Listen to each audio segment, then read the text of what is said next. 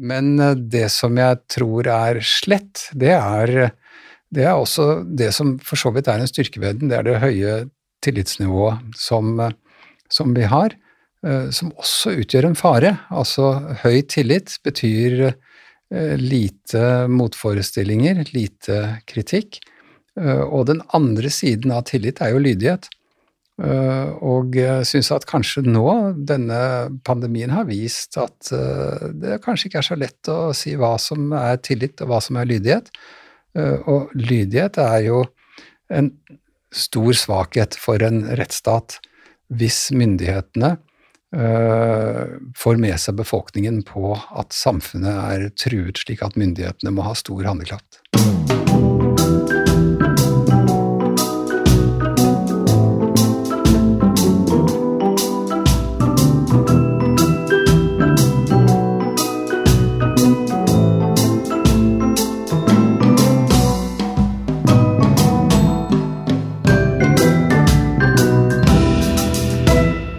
Velkommen til en ny episode av Rett og slett, en podkast om det som er rett og det som er slett i vår rettsstat. Mitt navn er Katrine Holta, jeg er strafferettsforsker på Politihøgskolen, og denne podkasten er sponset av Karnov juridisk forlag. Dette er del to om pandemi og rettsstat, et tema som dessverre igjen er høyaktuelt etter smitteøkningen i, øst, i høst eh, og ankomsten av omikron. Eh, I studio så har jeg med meg eh, Hans Petter Graver, som er professor på Universitetet i Oslo, eh, og som har skrevet en bok som igjen er høyaktuell. 'Pandemi og unntakstilstand' heter den, som jeg kan anbefale til alle lytterne av Rett og slett. Hans Petter, velkommen til Rett og slett. Tusen takk. Um, vi fortsetter litt på der vi var i forrige uke. Um, du har jo vært i en polemikk med vår kollega Morten Kinander fra BI uh, og i VG, uh, og um, der han skriver en kronikk som han kaller 'Vi holdes som gisler av en liten minoritet'. Uh, og der han argumenterer for at vi må innføre vaksinepass. Eh, og sånne koronapass da, for at vi skal kunne slippe inn på restauranter og på offentlige arrangementer. Og du svarte jo på den kronikken ganske raskt deretter. Eh, vil du utdype litt eh, hvorfor du er kritisk til disse vaksinepassene? Jo, det er, eh, det er, vel egentlig to grunner til at jeg er eh, kritisk til det. Det, det første er en mer sånn eh, Altså jeg bygger på helsemyndighetenes vurdering av vaksinepass som smitteverntiltak, hvor Folkehelseinstituttet og også Helsetilsynet jo ikke anbefaler det som et, et virkningsfullt tiltak i den situasjonen vi står i nå. Det har jo sammenheng med at vaksinene ikke beskytter mot smitte, sånn at eh, folk som er vaksinert likevel kan være smittebærere. Eh, og hvis du beveger deg rundt i samfunnet, eller på en restaurant eller en nattklubb eller hvor det måtte være, så er jo, hvis det er fritt for folk å komme inn, så er sannsynligheten for at du blir smittet av en som er vaksinert, mye høyere enn en som er uvaksinert, fordi det rett og slett er så få uvaksinerte igjen i befolkningen. Sånn at Eh, det, det, har egentlig ingen, uh, ingen, særlig effekt som uh, smitteverntiltak. Og da er det jo ikke proporsjonalt å bruke det etter de kravene som stilles i loven til at en restriksjon skal være proporsjonal. Mm. Så det er den ene grunnen. Men det vil selvfølgelig være veldig avhengig av situasjonen. Altså hvor beskyttet er man som vaksinert mot smitte. Det kan endre seg, og det kan være forskjellige, forskjellige de variantene osv. Men så har man da det mer prinsipielle argumentet. Altså hvis vi nå er i en situasjon da hvor det ville være et, et virkningsfullt smitteverntiltak, vil det da være Eh, riktig å bruke det. Og da er vi jo på det rent prinsipielle, og da mener jeg at selv da, med mindre det har en veldig stor effekt, eh, mener jeg det har så mange uheldige sider at myndighetene ikke bør bruke det. Og den uheldige siden, det er jo at vi deler befolkningen inn i dem og oss. Eh, og vi vet at de som ikke vil la seg vaksinere, er et mindretall. Og da er det veldig problematisk, syns jeg, hvis et flertall eh, vedtar at nå skal vi kunne leve frie liv, eh, fordi vi klarer å leve frie liv når vi begrenser eh, friheten til et mindretall. Eh, og, det vil kunne skape også en eh, type eh, stemning, det vil bygge ned i en stor gruppe. Det er jo tross alt snakk om flere hundre tusen mennesker som, som vil få en type mistillit både til eh, flertallet i befolkningen og til myndighetene, som jeg tror vil skade tilliten og tillitsnivået i, i det norske samfunn uh, for lang tid fremover, hvis vi gjør det. Uh. Det du er inne på nå, er jo litt dette mindretallsvernet, som også er en veldig viktig del av demokratiet, som man kanskje overser. Altså, jeg tror mange tenker at demokrati det er flertallsstyre, men det er jo ikke så enkelt. Det er jo også mindretallsvernet. Mm. Ja, det er det det er. Og, og så, kan, så, kan, man jo si ja, men disse menneskene de velger jo selv, ikke sant. Og de, de velger umoralsk fordi uh, de velger uh, en livsførsel som ikke bare er farlig for dem selv, men farlig for oss andre. Uh, men da har vi jo ikke noe tradisjon for at vi skal forskjellsbehandle pga. livsvalgene de tar. Vi, vi bygger jo velferdssamfunnet på solidaritet, også med dem som ikke er verdig trengende, så å si. Altså dette skillet mellom hvem som er verdige og hvem som er uverdige. Eh, det forsøker vi å bygge ned i, i velferdsstaten, og vi bør ikke da ta det frem igjen i den situasjonen vi er nå. Da vil jo noen si at um, solidariteten går ikke så mye tilbake igjen da, for de som uh, nekter å vaksinere seg.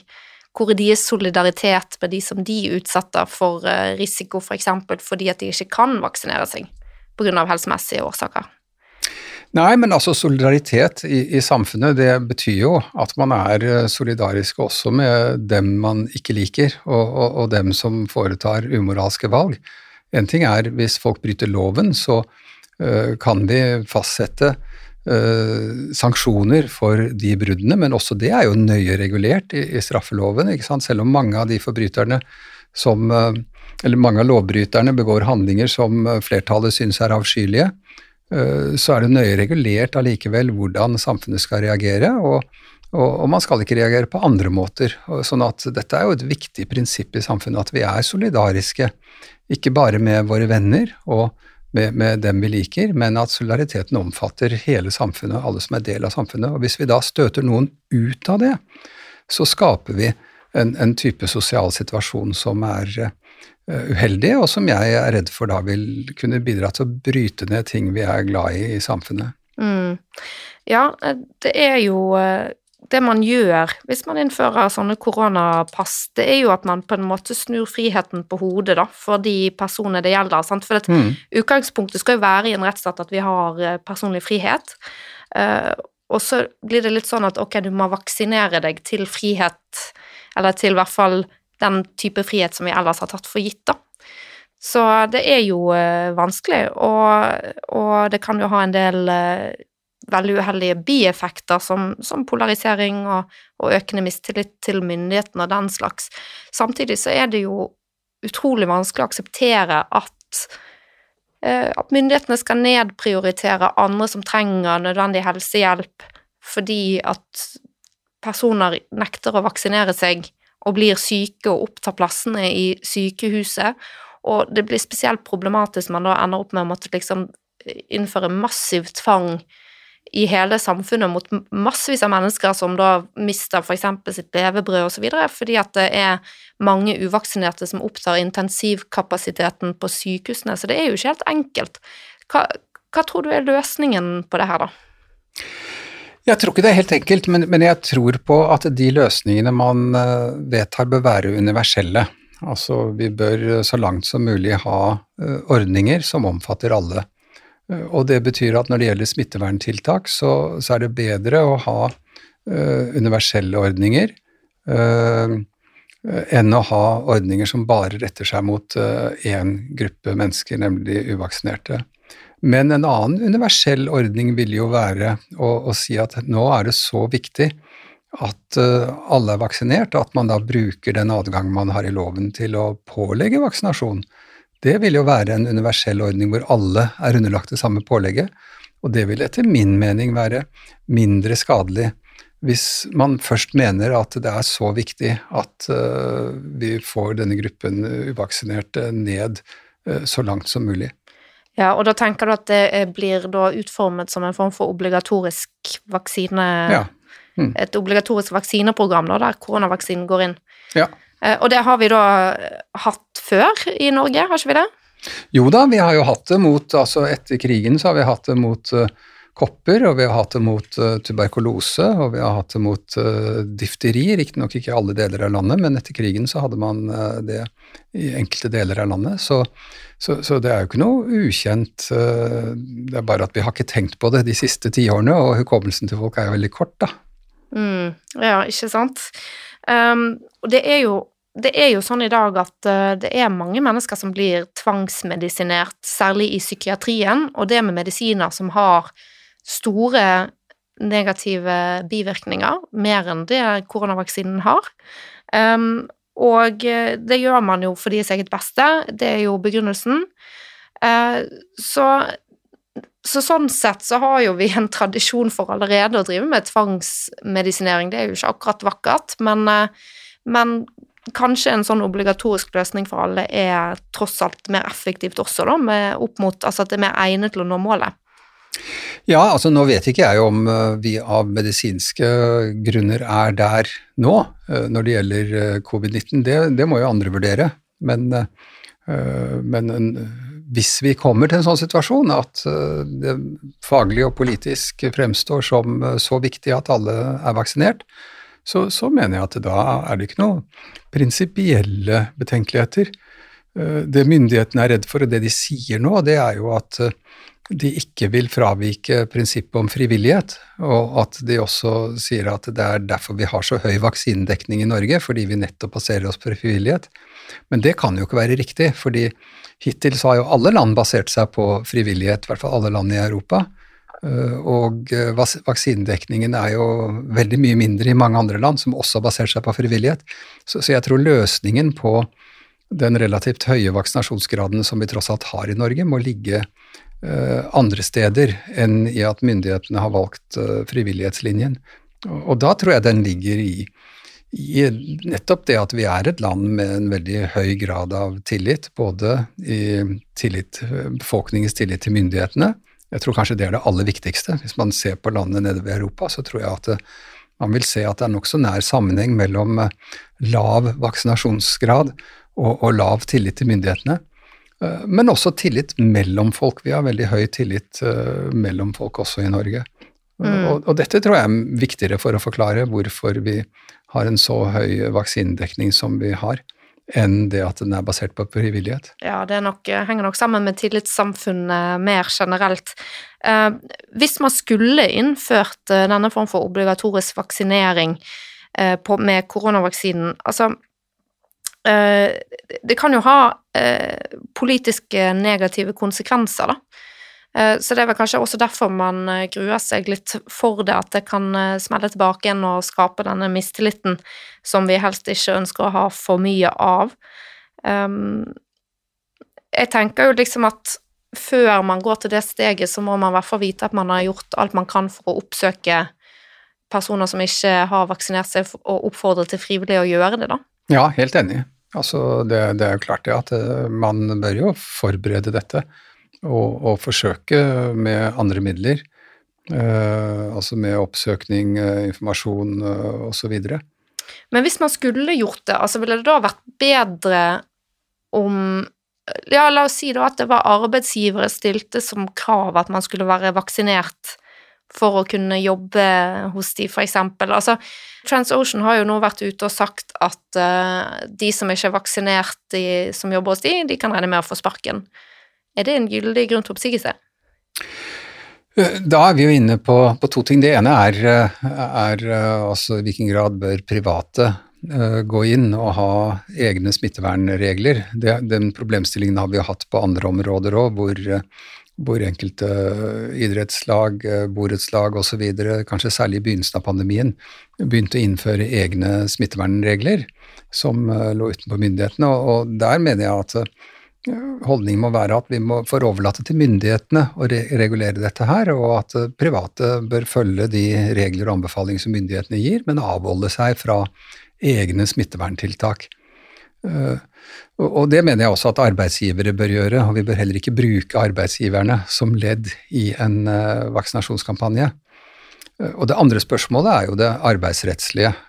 Og der er det jo sånn at man må ha en saklig grunn til oppsigelse. og Eh, og da mener jeg det må være nokså klart, selv om jeg ikke er ekspert på arbeidsrett, at eh, man kan ikke generelt si at det er oppsigelsesgrunn at man ikke er vaksinert. Ja, det må vel eh, være av relevans for utøvelsen av yrket? Det må helt klart være av relevans, men så er det jo spørsmål om hvordan det er relevant også. Altså, vi, når det gjelder oppsigelse pga. smittefare, så hadde vi jo en sak fra 90-tallet som gjaldt en bartender i Fredrikstad Eh, som viste seg å ha fått aids. Mm. Eh, og eh, han ble oppsagt av arbeidsgiveren fordi kundene var redd for smittefare på det tidspunktet. så så visste jo ikke folk så veldig mye om hvordan aids smittet. Nei, og det var jo en rimelig irrasjonell frykt, da. Det, var jo, det, var, det viste seg jo, det var en irrasjonell frykt, fordi at det var veldig liten fare for at en bartender uh, kan smitte deg med aids når du kommer inn og blir servert drinken din. Det måtte være at et glass knuste som han skar seg på, og som du også skar deg på, og dere vekslet blod, ikke sant, men det tror jeg ikke er så ofte skjer i en bar, da, eh, mellom bartendere og gjester. Eh, men samtidig var jo aids eh, en, på det tidspunktet en dødelig sykdom, altså alle døde av det, og det fantes ingen medisiner. Så, så sånn sett så var det jo en grunn til å være redd for å få aids, mye større grunn enn å, å få korona. Og han ble sagt opp. og eh, da uh, gikk han til retten, uh, og han vant for så vidt frem i alle instanser. Denne saken gikk helt opp til Høyesterett. og alle instanser kom til at det ikke var saklig grunn til oppsigelse at han var smittet av aids. Men i tingretten og lagmannsretten så fikk han ikke jobben tilbake, fordi domstolene der de mente at det var urimelig å kreve at arbeidsgiveren skulle ta han tilbake pga. den frykten som folk i sin alminnelighet, altså hans kundegruppe, da hadde uh, når de visste at det var en aids-smittet person bak baren. Uh, men i Høyesterett så vant han, og Høyesterett sa at en sånn irrasjonell frykt ikke er grunnlag for oppsigelse. Eh, de sa ikke at eh, sånn vil det alltid være, det var en konkret vurdering. Eh, men det var en veldig viktig vurdering som etter mitt syn også er relevant i den situasjonen vi har nå. Fordi det er jo i stor grad forskjell på frykten for de uvaksinerte, som i noen situasjoner kanskje kan være saklig begrunnet, altså kanskje særlig når det gjelder personer som har med personer i risikogruppen å gjøre. Eh, og særlig hvis eh, dette er personer med bakenforliggende sykdommer eh, som har svekket immunforsvar osv. Mm. Da, da vil det jo være saklig begrunnet at man kan være redd kanskje for folk som er uvaksinerte, eller i hvert fall som lettere kan være smittebærere. Men man kan jo stille spørsmål ved det også, med det man vet nå om at også vaksinerte kan være smittebærere, ikke sant? sånn at også der kan man for så vidt problematisere det. Eh, men som et sånt helt generelt grunnlag å, å, si at vi har grunn til å frykte de uvaksinerte, eh, det holder jo ikke. Så, så mm. derfor kan man etter mitt syn eh, ikke annet enn i veldig spesielle situasjoner bruke dette som et saklig grunnlag for, for oppsigelse. Og selv der så må man jo etter arbeidsrettslige prinsipper forsøke å finne et annet egnet arbeid da, for vedkommende i bedriften før man sier opp vedkommende. Mm. Ja, det er jo veldig interessant. Altså, La oss eh, si da at, eh, at, uvaksinerte faktisk er en trussel da mot f.eks. personer som bor på et eldre eldresenter. Så ville jo det å innføre vaksinekrav, kanskje, som et premiss for å kunne jobbe i den type yrker, det er jo noe vi Altså, vi kjenner jo fra andre områder så kjenner jo vi til det at det stilles krav til f.eks. vandel osv. for å kunne være Ja, f.eks. For, for å kunne bli tatt opp på Politihøgskolen, så, så er det jo vandelskrav. Eh, for å kunne få advokatbevilling, så er det vandelskrav. Um, i, så, så at vi stiller jo Selv om det å ikke være vaksinert ikke kan sammenlignes med en straffbar handling, så er det jo sånn at vi stiller krav til, til ulike yrker, ulike utdanninger, som utestenger folk. Det er jo vi på en måte vant med. Ja da, og, og det kan godt tenkes, altså det, men det må jo være en faglig vurdering om det er faglig begrunnet. Og, og, og, da mener jeg at det kan være saklig begrunnet å stille vaksinasjonskrav. Altså igjen tilbake til det vi snakket om med pålegg om vaksinasjon. Den kan være generell for hele befolkningen, eller den kan være for spesielle grupper, f.eks. pga. Av, av jobben de har og det de, de, de får kontakt med. Men, men det er stor forskjell på at myndighetene vurderer dette og, og, gir det i kraft av en lov eller en forskrift med hjemmel i loven, eh, og det at private arbeidsgivere gjør det. Eh, fordi når myndighetene gjør det, så gjør de det i medhold av eh, de rettsstatlige og demokratiske prosedyrene som vi har, da, og, og foretar disse avveiningene på en annen måte enn de enkelte private arbeidsgivere kan gjøre. Mm, ikke sant. Og da er det jo kanskje sånn at vi er tilbake til at de uvaksinerte først og fremst er en trussel for seg sjøl? Ja, slik som det ser ut nå, så er det vel det. Med mindre de da blir så syke at de opptar plasten til andre pasienter. Men der er jo, som du sier, altså sånn er det jo også på, innenfor andre livsstilssykdommer osv. Det har jo regnet på det for noen år siden, eh, Folkehelseinstituttet. Altså det er eh, mange hundre millioner som kunne vært spart hvis, eh, hvis folk hadde spist sunnere og, og, levd sunnere. Så det betyr jo at de valgene vi tar i våre egne liv, i hvert fall de valgene som mange tar, koster samfunnet og fellesskapet store ressurser i form av, av sykdom og helseplager som må behandles av eh, helsemyndighetene. Eh, så, så, sånn er jo livet, at vi lever forskjellige liv. Noen av oss treffer valg som er dumme, noen av oss treffer valg som går ut over andre, eh, men vi blir ikke støtt ut av fellesskapet av den grunn. Denne Smittestopp-appen, den skapte jo en del diskusjon. Hva tenker du om den? Jeg er ikke ekspert på den, og, og, det som jeg har fått med meg om det, er jo at den første varianten, den eh, samlet og, og lagret uh, en hel rekke opplysninger om uh, hvor folk var og hvem de var i kontakt med og sånn, som, uh, som ikke var nødvendig for smittesporingen, og hvor rett og slett oppbevaringen og, og lagringen av dataene ikke var tilfredsstillende ut fra uh, personvernhensyn. Uh, så, så, det var jo et uh, problem, men der var det vel rett og slett personvern og datalagring som var hovedproblemet. Ja, ikke sant. Altså, det er jo Jeg tenkte jo en del på det her under Når denne kom, fordi at det var en del som argumenterte for at Ja, men hva om hva om myndighetene tar i bruk den informasjonen, altså den sporingsinformasjonen om deg, da. Uh, og jeg var også kritisk til den appen, men samtidig så tenkte jeg som så at uh, hvis myndighetene f.eks. etterforsker deg i en straffesak, så beslaglegger de den telefonen og finner den informasjonen allerede på din telefon, for antagelig har du så mange apper som sporer deg fra før av så, så, jeg så ikke nødvendigvis at den smitteappen ville tilføre så veldig mye mer, da.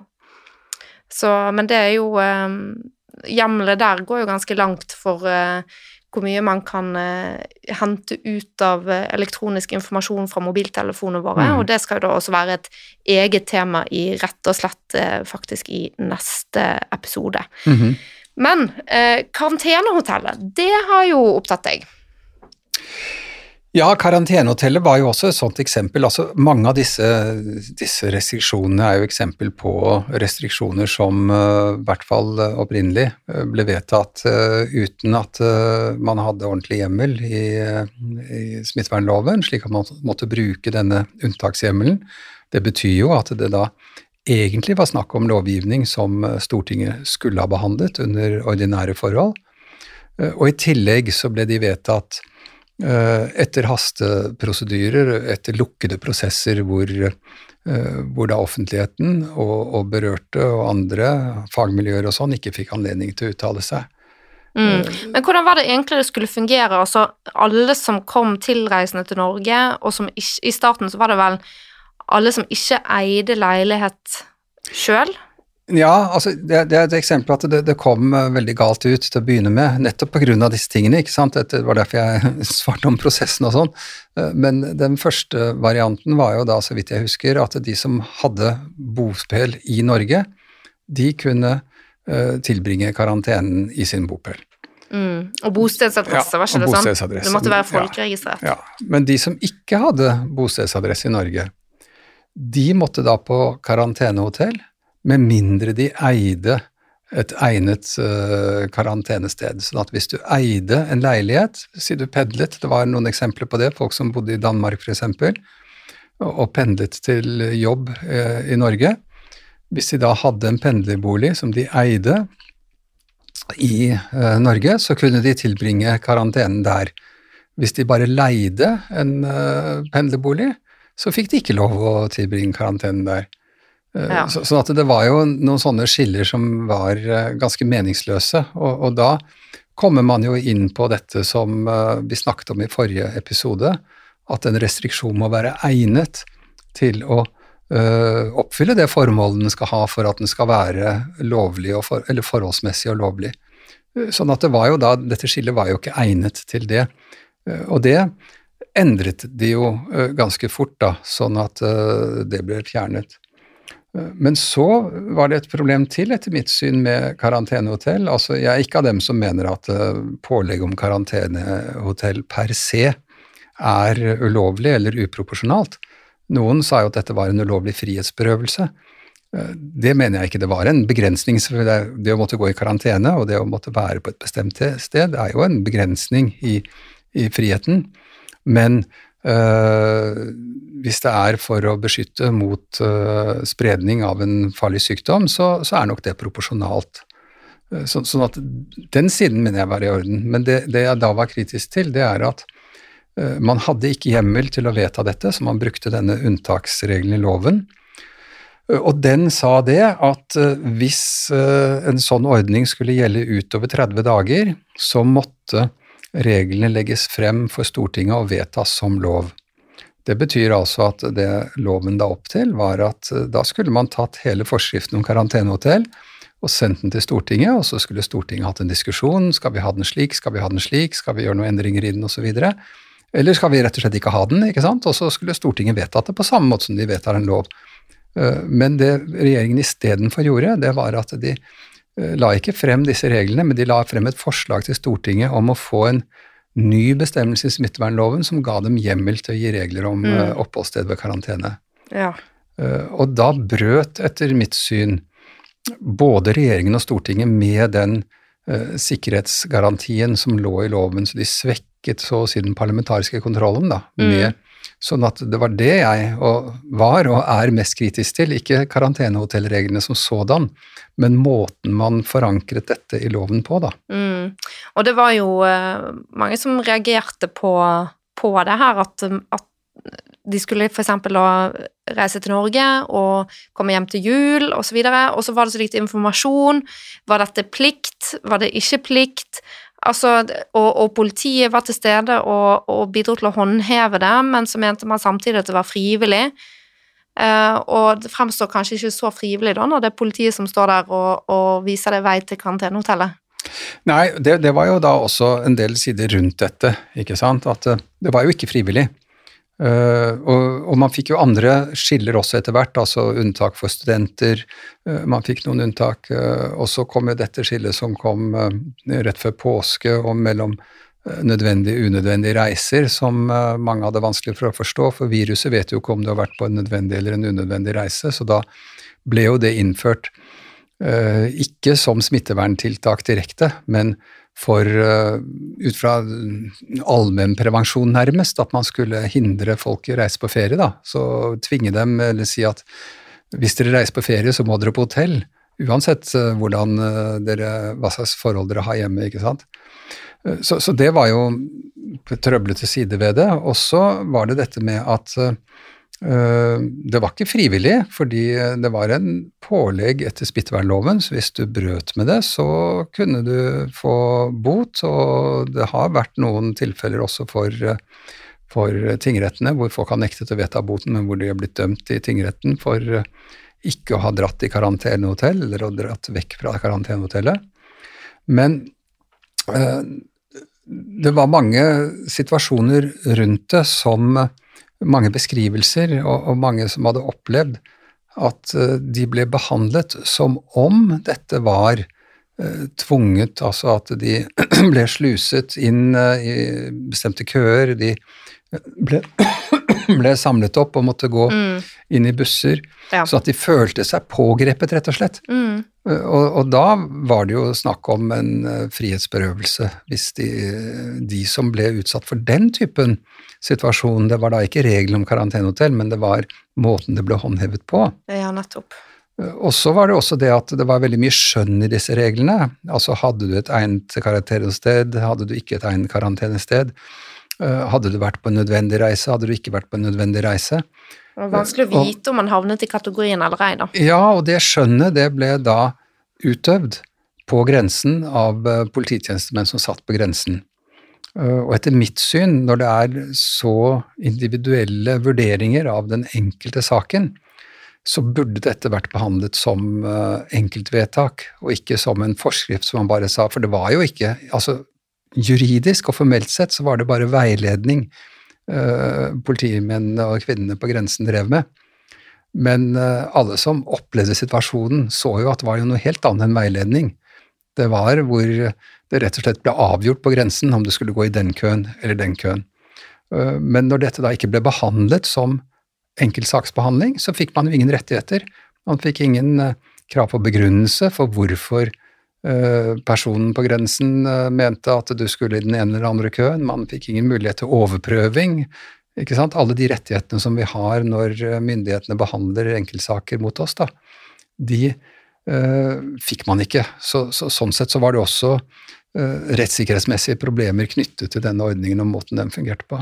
Men det er jo et uh, gjennomgangstema her i samtalen vår, altså at, at det er prosessene som, som, uteblir, ikke sant. Som er, rettssikkerhetsgarantiene er på en måte det som, som har gått litt tapt på grunn av at vi alle har, har vært i en uh, faretruende situasjon, da. Um, og dere var jo en gjeng ute i Morgenbladet for noen uker siden, eller Eh, en uke siden kanskje, og advarte mot en eh, rekke negative tendenser som dere ser nå i rettsstaten etter pandemien. Er rettsstaten vår truet? Er du bekymret? Altså, Rettsstaten er jo først og fremst uh, institusjonelle og prosessuelle ordninger. Uh, det er jo det som er uh, rettsstaten. I tillegg, I tillegg, så er det jo beskyttelse av noen grunnleggende rettigheter, men men, men, kjernen i rettsstaten er prosess og institusjon. Og det er jo det jeg har vært mest opptatt og ikke minst mest kritisk uh, til når det gjelder hele pandemien. Det har i og for seg ikke vært de vedtakene som man har truffet, og de restriksjonene som har vært underlagt, for de kan jo ha vært faglig begrunnet, og man kan selvfølgelig diskutere enkelte av dem, men, men, men, det jeg har vært mest kritisk til, er nettopp dette med at de prosessuelle, de vanlige prosessuelle ordningene, de vanlige rettsgarantiene, de har man uh, satt til side. Og, det gjelder Fordi ting har hastet, ikke sant? Ja, fordi ting har hastet, men også fordi, tror jeg, at man har uh, overlatt dette til for snevre miljøer, altså, i, uh, i staten. og så har man skapt seg en situasjon hvor det haster. altså, det hadde vært mulig med Nå når vi snakket nettopp om karantenehotell, det hadde vært mulig å, å lage et system med enkeltsaksbehandlinger. Forvaltningsloven er ganske fleksibel og gir mulighet for å gjøre unntak fra mange av de vanlige prosedyrene, så man er ikke nødt til så å si å ha uh, en begrunnet vedtak i syv eksemplarer med stempel på. ikke sant? Det er jo ikke, det er, en fleksibilitet i loven, men man har ikke forsøkt engang å, å etterleve Eh, de minimumsgarantiene som er der. Og så kan man si at vel, vi har ikke ressurser til det, men eh, når vi da tenker på hvor mye ressurser vi bruker på de andre sidene ved pandemien, så er ikke det noen unnskyldning, etter min grunn, etter mitt syn.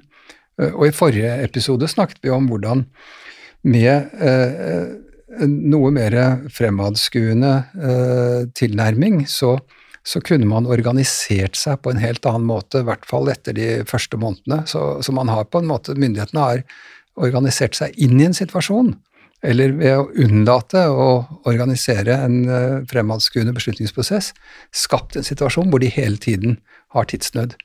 Uh.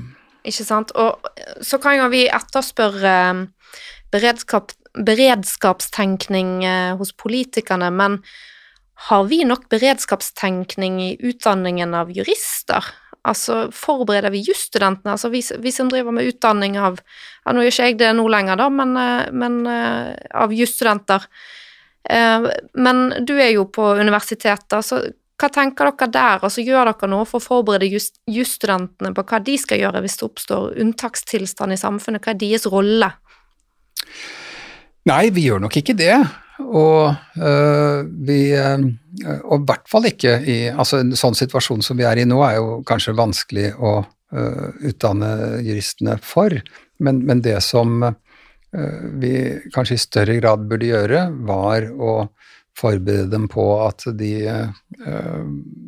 de må være villige til og, og, og, og beredt til å forsvare de grunnleggende rettsstatsverdiene. Og Eh,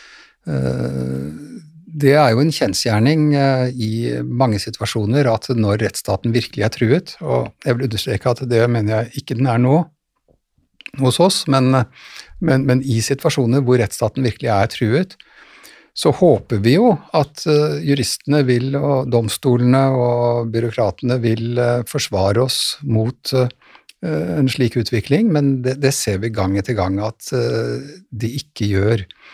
Eh, og, og, der burde vi kanskje forberede studentene bedre altså på uh, hva de skal gjøre når de kommer i, i det grunnleggende dilemmaet som det da vil være at man har myndigheter som gir regler uh, som jurister er lært opp til å følge. Vi skal anvende gjeldende rett. Ja, men hvor de reglene da kommer fundamentalt i motsetning til de grunnleggende rettsstatsverdiene om maktfordeling, rettslig kontroll med myndighetene, respekt for grunnleggende rettigheter. Mm. Og, og, jeg tror òg at uh, mange jurister er kanskje litt alene på arbeidsplassen. I alle fall hvis de jobber i det offentlige forvaltningen, så er det kanskje ikke så mange jurister i hver avdeling. Så det er jo ikke så enkelt da, hvis du skal være den ene juristen som på en måte snakker om uh, prosess og ting som tar tid, ikke sant, i en situasjon der det er krise, da. Nei, og, og, det er uh, altså det er, vel, det er, kanskje først og fremst et problem i, i kommunene, tror jeg. Mm. Som er mindre. I, ja, for vi har ikke snakket så veldig mye om kommunene sin rolle, og det er jo uh, De har jo hatt en veldig viktig fremtredende funksjon da i dette her forskriftsveldet som egentlig har oppstått i, i kjølvannet av korona. Ja, de har jo det. og Eh, jeg tror eh, Altså, smittevernloven bygger jo på at eh, det er i første rekke kommunene som har ansvaret for smittevern. Og, og det ser vi jo har blitt utfordret nå under pandemien. At, og, og at kommunene for så vidt tar et smittevernansvar og gir regler, men så kommer staten inn også. Og, og vi har jo hatt noen eksempler på clash mellom staten og kommunene Eh, og uenighet og diskusjoner. Eh, ja, og, og det, nå har jo Nå gikk jo nylig f.eks. Bergen kommune, byrådet der ute, og skulle ha egentlig tolke denne siste forskriften om omikron, da. Eh, sånn som jeg forsto det, så, så, så, legger den forskriften til grunn at man skal um, ved påvist omikron så er det ganske strenge karanteneregler også for nærkontakter. Men i Bergen så var det sånn at man skulle da Man tolket det sånn at, det til, at man kunne legge til grunn at alle korona, positive koronatester skulle være omikron. Og da ville disse strengere karanteneregler gjelde automatisk ved alle koronatilfeller. Og det var jo noe som Hans Fredrik Martinussen annet reagerte på, da. Ja, så, så det gikk jo kommunen veldig raskt bort fra. Eh, men, men, det som noen kommuner eh, nå istedenfor har gjort, eh, og også Bergen, tror jeg, det er å, å, si at karantenereglene skal gjelde også for personer under 18 år, fordi at det er en 18-årsgrense i de statlige reglene. Men så har noen kommuner sagt at ungdom er så viktig i smittespredningen at også de må i karantene. Ja, det strider jo litt med det som har vært et viktig prinsipp for uh, Helsedirektoratet, at man skal forsøke å verne om barn og unge. Ja, Men det er, også, det er også et eksempel, etter mitt syn, på, på at uh, vi får smittevernrestriksjoner som ikke har hjemmel i loven. For etter mitt syn så er det uh, så har ikke kommunen hjemmel til å vedta karantene. Altså Man må se på de enkelte restriksjonene ut fra de forskjellige bestemmelsene i smittevernloven. Og der har vi ingen i den generelle hjemmelen som kommunene bruker, så er det ikke hjemmel for karantene. Eh, det kan argumenteres med at de, de hadde hjemmel til i hvert fall karantene inntil syv dager, men så endret Stortinget loven i fjor, eh, og da ble det klart uttalt at man ikke skulle bruke den alminnelige eh, reguleringsfullmakten til å pålegge karantene, men Stortinget ga da en egen hjemmel for smittekarantene. Og den gir bare myndighet til staten. Sånn at uh, kommunen har ikke hjemmel til å innføre karantene. Og selv om de hadde hatt det, så kunne de i hvert fall ikke gi en regel som sto i direkte motstrid til en statlig regel. Og det har jo staten nå trukket denne grensen på 18 år. Så, så her har vi et eksempel på en rolle- eller kompetansekonflikt mellom Eh, statlige og kommunale myndigheter, men hvor også kommunene da går utover de fullmaktene de har i loven. Ja, så er det jo et problem da når kommunene lager sine egne fortolkninger eller egne regler, og vi vet at det er ganske mange kommuner i Norge som ikke har ansatt en eneste jurist. Mm. Og det så man jo også i, eh, i, i Bergen. Uh, du følger sikkert med på hva som skjer der. Eh, der var det jo en påfallende utvikling i, i fjor, hvor eh, de først ga regler om begrensninger begrensning i hvor mange som kunne være i private hjem, mm. og hvor formannskapet ikke hadde noen begrunnelse for det, de hadde bare gitt det. Og så ble jo dette kritisert i media i Bergen av kolleger i Bergen.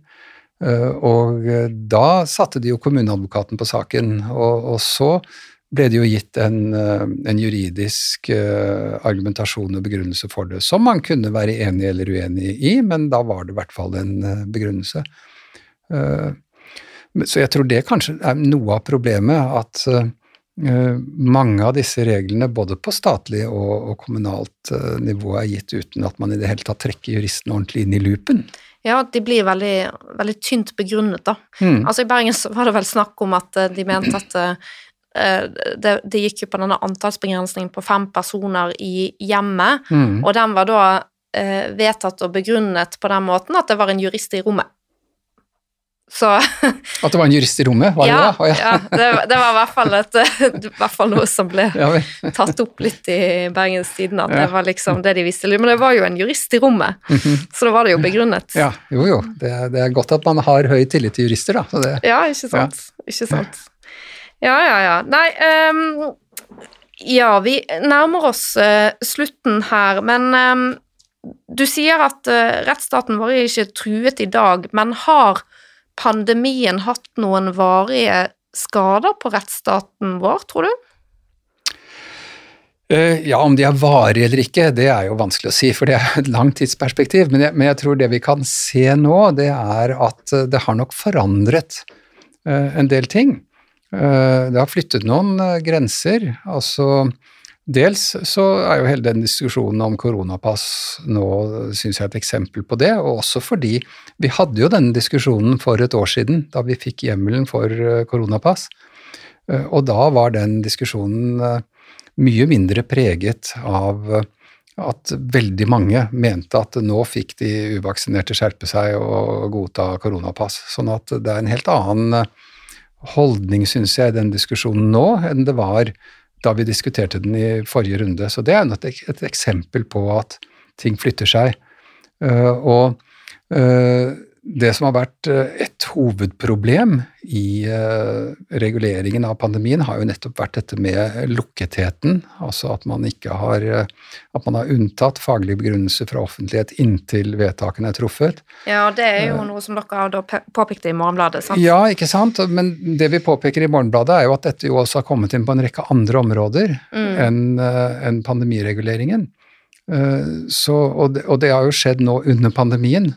Eh, så, så, så, jeg tror kanskje at det også, selv om selvfølgelig da må man eh, inn og, og, og forske og få mer kunnskap for å kunne si noe sikkert, men, men eh, jeg syns ikke det er noen urimelig hypotese, i hvert fall, å anta at dette også kan være preget av at vi for så vidt flytter grenser. Eh, og så er det et annet eksempel som, som, er veldig lite Som ikke har vakt noe oppmerksomhet, og det er mm. at uh, Helsedepartementet sendte på høring nå, for tre måneder siden, okay. et uh, forslag som, etter matloven, ja. hvor Mattilsynet skal få hjemmel til å gå inn i private hjem og lete etter matvarer og ta undersøkelser og prøver av dem. Eh, hvis det har eh, brutt ut eh, mistanke om at batvarer er sykdomsfremkallende. Okay. Sånn at hvis f.eks. det er solgt kylling med, med øh, Hva er det heter igjen? Sånn ikke Salmonella. Salmonella, salmonella, mm. takk, ja. Eh, i, på din lokale butikk, så kan plutselig Mattilsynet komme på døra di og si at vi vil inn og ransake kjøkkenet ditt og søppelbøtten og, og, sånn, for å se om uh, det er noe i kyllingen der, og for å ta prøve av den. Uh, og formålet med det skal være å Formålet med det skal være å begrense spredning av sykdom gjennom matvarer. Ja. Uh, og, eller de kan gå hjem til deg mens du sitter her, ikke sant, og du er ikke hjemme. Og, og dette kan skje uanmeldt, altså hjemmelen er helt uh, åpen. Og så kommer du hjem nå, så finner du at her har det vært noen uh, rotet gjennom matskap og matbod og sånn, og så ligger det bare en lapp om at Mattilsynet har vært der og ransaket hjemme hos deg. Ja. Dette er foreslått. Det er ja. ingen som snakker om det. Det er ingen som har tatt det opp. Uh, og jeg tror kanskje ikke at det ville vært foreslått uh, før pandemien. Da. Jeg tror ikke, altså Selv om kanskje de ville ha uh, syns at dette er en hjemmel som er kjekt å ha, så, så, så tror jeg at stemningen nå er at hvis vi skal bekjempe sykdom, så, så, er det jo greit, da må jo myndighetene få fullmakter. ikke sant? Det. Nettopp. Altså det Ja, sykdomsbekjempelsen har blitt et hensyn som overtrumfer flere og flere andre ja. rettigheter. Mm, mm. Mm. Um, til slutt eh, i hver eh, episode, hver gang jeg har nye gjester, så spør jeg de om eh, det er noe de synes er rett, eller noe de synes er slett i vår rettsstat. Og da lurer jeg på, Hans Petter Graver, er det noe du synes er rett eller slett? Ja, vi har jo vært inne på mye. Altså, jeg, det jeg syns er rett, er at eh, vi, vi, har, eh, vi, har, demokratiske og juridiske institusjoner som er eh, godt forankret, og, og som, som, er robuste, tror jeg. Og som fungerer stort sett godt, og som vil være gode forsvar hvis vi skulle få en Trump eller noe sånt uh, dukkende opp i, i, norsk sammenheng, e, eller hvis vi skulle få en, en, en utvikling uh, mot mer antidemokratiske krefter, da. Men det som jeg tror er slett, det er, det er også det som for så vidt er en styrke det er det høye tillitsnivået som, som vi har. Eh, som også utgjør en fare. Altså høy tillit betyr eh, lite motforestillinger, lite kritikk. Eh, og den andre siden av tillit er jo lydighet. Og jeg syns at kanskje nå, denne pandemien har vist at det kanskje ikke er så lett å si hva som er tillit og hva som er lydighet. Og lydighet er jo en stor svakhet for en rettsstat hvis myndighetene får med seg befolkningen på at samfunnet er truet, slik at myndighetene må ha stor handlekraft. Takk for det. Det har vært uh, utrolig interessant å høre dine analyser. Takk for at du var med i Rett og slett i to episoder. Takk skal du ha. Og uh, takk til dere som har lyttet på oss. Jeg håper det har vært nyttig, lærerikt og interessant. Og på gjenhør.